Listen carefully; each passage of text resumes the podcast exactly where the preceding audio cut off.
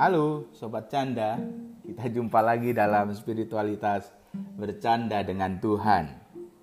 Saudara, salam canda dari Tuhan buat saudara sekalian.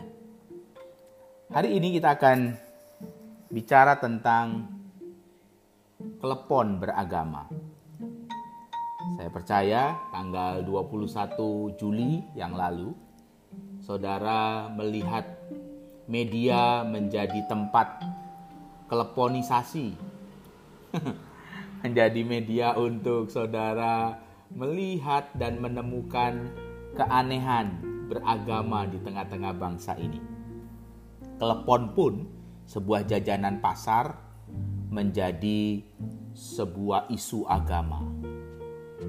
Saudara, kalau kita lihat kita menemukan sebuah isu yang sampai membuat banyak orang gelisah, bahkan mentertawakan kehidupan agama yang berlebihan ini akhirnya.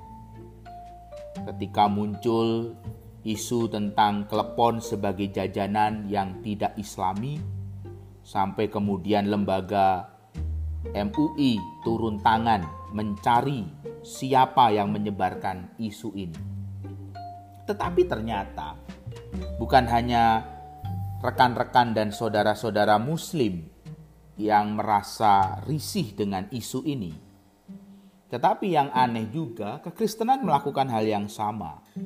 Ada sebuah respon dari isu agama ini tentang jajanan klepon ini, sebuah isu yang ditanggapi oleh orang Kristen yang kelebihan dosis dalam hal rohani melebih-lebihkan agama, melebih-lebihkan hal yang rohani sampai harus menjawab persoalan klepon secara rohani. Ada cerita yang begini mengatakan untuk meresponi klepon beragama. Ada tulisan seorang Kristen, entah ini bercanda atau serius saya tidak tahu, tetapi ini sebuah ilustrasi buat hidup kita Dikatakan oleh seorang Kristen bahwa klepon itu dari bahasa Latin. Klepon itu artinya Tuhan tersakiti. Baru ini saya tahu bahasa Latin klepon. Klepon itu yang artinya Tuhan tersakiti itu punya arti lambang Tuhan Yesus Kristus. Jadi bagian luar dari klepon itu itu melambangkan tubuh Tuhan dan gula merah yang ada di dalam klepon itu simbol darah. Terlalu aneh memang. Tanggal 21 Juli juga dikatakan oleh penulis yang sama, entah ini bercanda atau serius, 21 Juli diperingati sebagai hari peringatan seorang martir bernama Kleponisius. Saya baru tahu ada seorang santo bernama Kleponisius. Kleponisius ini pada tanggal 21 Juli itu dilemparkan ke kandang singa menjadi umpan untuk singa. Dan ketika Santo Kleponisius ini mati oleh singa, dia mati dengan baju warna hijau. Sehingga klepon itu selalu berwarna hijau. Dan ketika dia dimakan singa, Santo berbaju hijau ini, maka singa itu mulutnya penuh dengan warna merah. Itulah sejarah klepon menurut orang Kristen yang overdosis ini.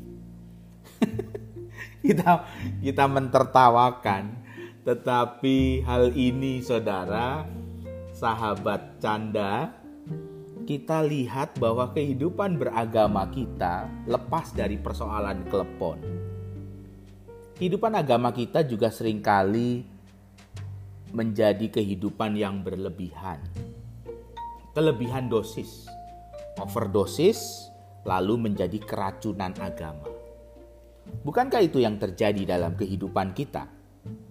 Saudara, mari kita menyadari bahwa dari sekitar kita ketika Tuhan mengajak kita bercanda.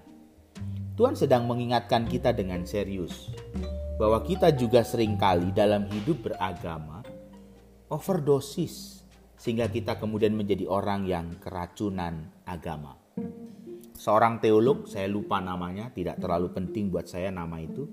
Dia mengatakan begini, ketika Anda melebih-lebihkan hal rohani, maka Anda sedang melebih-lebihkan Alkitab.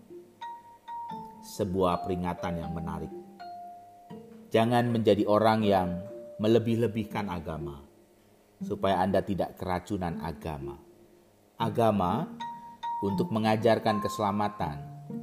Kalau Anda keracunan agama, Anda bukan selamat, tetapi malah mati dan binasa. Salam canda dari Tuhan. Selamat hidup berhikmat di dalam spiritualitas bercanda dengan Tuhan.，Shallow